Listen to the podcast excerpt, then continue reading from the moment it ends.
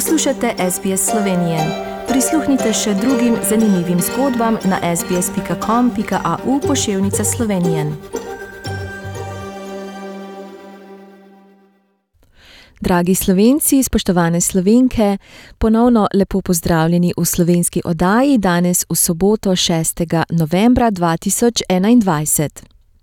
Martinovo ali god svetega Martina iz Tura, ki je umrl 11. novembra leta 397, je dan, na katerega se evropske države na raznolik način spominjajo svetnika, ki je dal svoj plašč beraču, da bi lahko skril svojo revščino.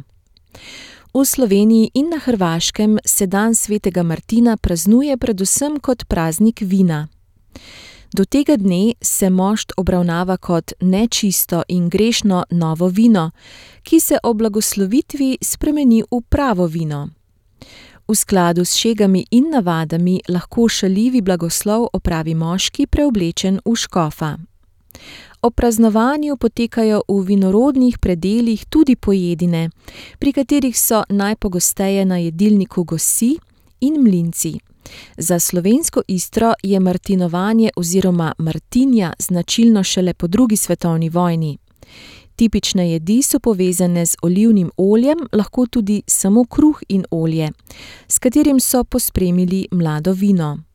Bolj zahtevne jedi v tem času so bile predvsem fuži testenine s petelinjem ali kokošjim golažem, pečen puran, kislo zelje in ocvrt kruh z refoškom.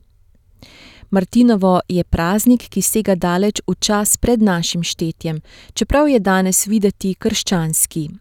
V jesenskih praznovanjih so se naši poganski predniki zahvaljevali bogovom za dobro letino in jih hkrati prosili za ponovitev obilja v prihodnjem letu.